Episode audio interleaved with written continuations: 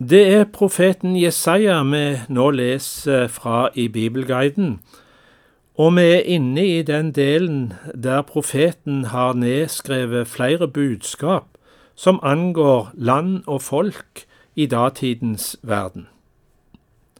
Vi skal i dag høre hva som sies om Egypt.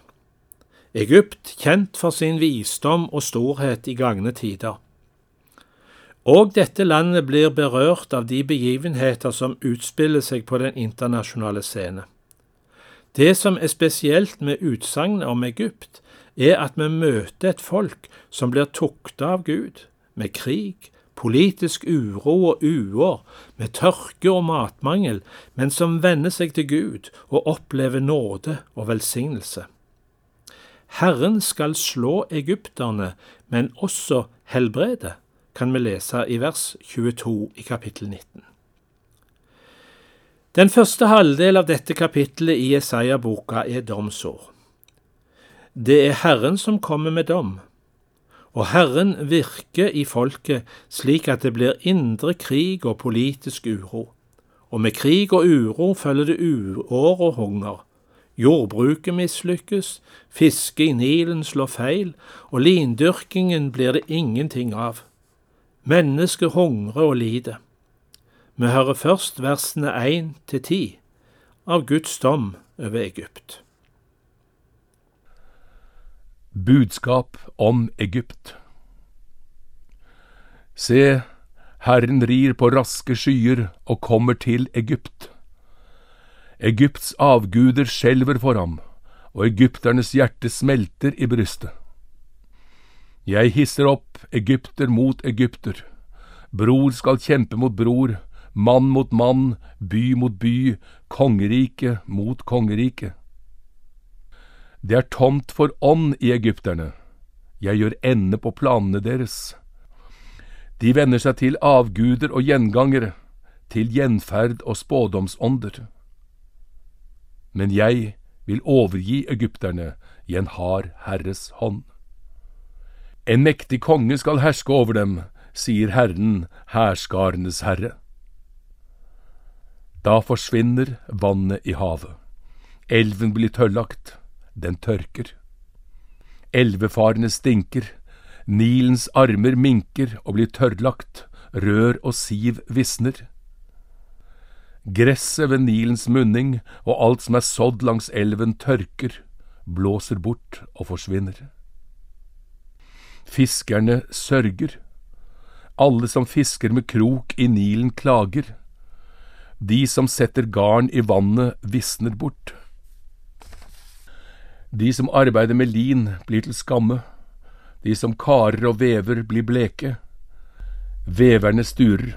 Dagsarbeiderne er tunge til sinns. Egypts visdom var viden berømt, men når Herren rammer landet, er alle dets vismenn hjelpeløse. Men det kommer noe godt ut av denne tukt som Herren legger på dem. De begynner å frykte Herren, først i redsel, men så i tillit og sann tilbedelse. Det vil oppstå steder der folket samles i tro på den levende Gud, og de vil bringe Han offer. Vi hører nå versene 11 til 22 i Jesajas kapittel 19. Ja, dårer er fyrstene i Soan. Faraos vismenn gir dumme råd. Hvordan kan dere si til farao, Jeg er sønn av vismenn, sønn av fortidens konger? Hvor er nå vismennene dine? La dem kunngjøre og fortelle deg hvilken plan Herren over hærskarene har lagt for egypterne. Fyrstene i Soan er dårer. Fyrstene i Nof er blitt narret. Stammehøvdingene har ført Egypt vill. Blant dem har Herren øst ut en ånd som gjør svimmel. De har fått egypterne til å fare vill, hva de enn gjør, lik en drukken går seg vill i sitt eget spy. For egypterne skal ingenting lykkes enten det er hode eller hale, palmegrein eller siv som gjør det. Den dagen skal egypterne være som kvinner.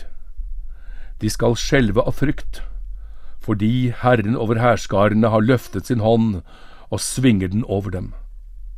Judalandet skal bli en skrekk for egypterne. Så ofte noen nevner det, skal de frykte den plan som Herren over hærskarene har lagt for dem.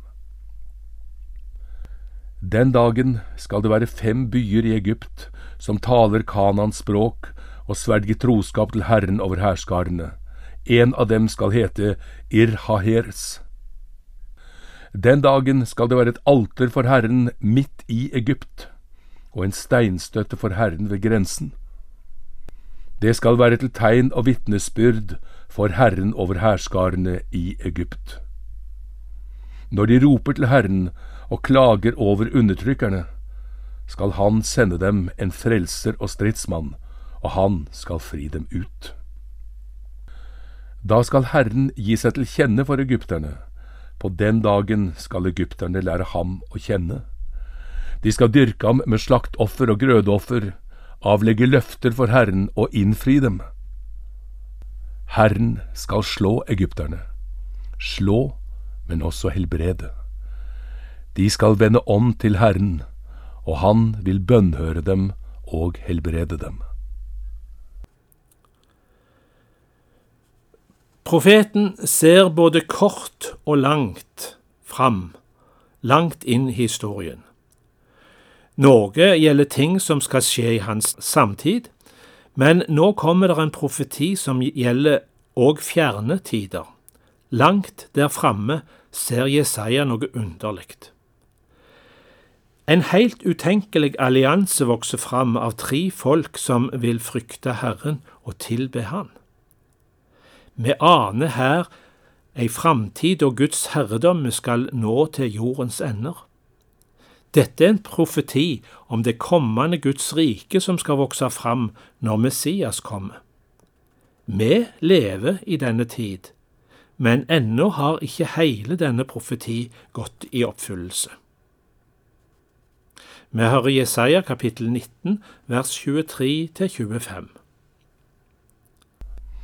Den dagen skal det være en hovedvei fra Egypt til Asur. Asyrerne skal komme til Egypt, og egypterne til Asur, og Egypt skal tilbe sammen med Asur. Den dagen skal Israel, den tredje sammen med Egypt og Asur, være en velsignelse for hele jorden. Herren over hærskarene skal velsigne dem og si, Velsignet er Egypt, mitt folk. Asur, et verk av min hånd, og Israel, min eiendom. Så er vår lesing kommet til et svært kort kapittel på bare seks vers, nemlig kapittel 20.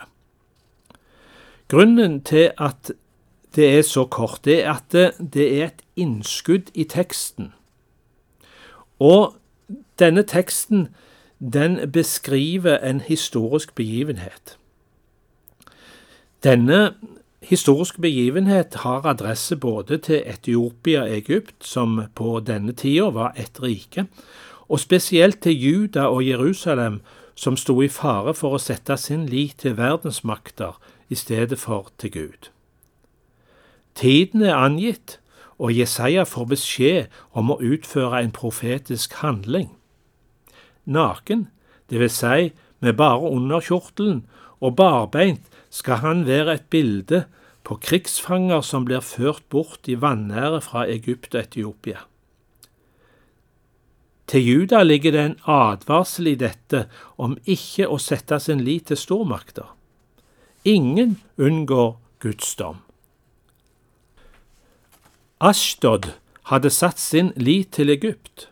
Se, hvordan det gikk med deg. Vi leser Jesaja kapittel 20.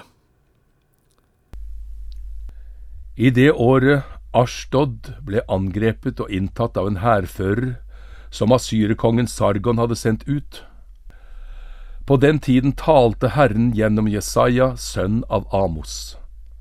Han sa, Gå og ta sekkestrien av hoftene dine og skoene av føttene. Han gjorde det og gikk naken og barbeint. Og Herren sa, Slik min tjener Jesaja har gått naken og barbeint i tre år, til tegn og varsel mot Egypt og Kors. Slik skal asyrkongen drive med seg krigsfangene fra Egypt og de bortførte fra Kurs, både unge og gamle, nakne, barbeinte og med bar bak, til vanære for Egypt. Folk skal bli slått av skrekk og skam over Kurs deres håp og Egypt deres pryd. Den dagen skal de som bor på disse strendene si, Se, slik er det godt med vårt håp. Med dem vi flyktet til for å få hjelp, for å bli berget fra asyrerkongen. Hvordan skal vi så slippe unna? Dette var det siste vi hører om Egypt og Etiopia i denne sammenheng. Neste gang så skal vi lese hvordan profeten ser Babylons fall og undergang. Takk for følget i dagens bibelguide, og velkommen tilbake til neste lesing fra Jesaja-boka.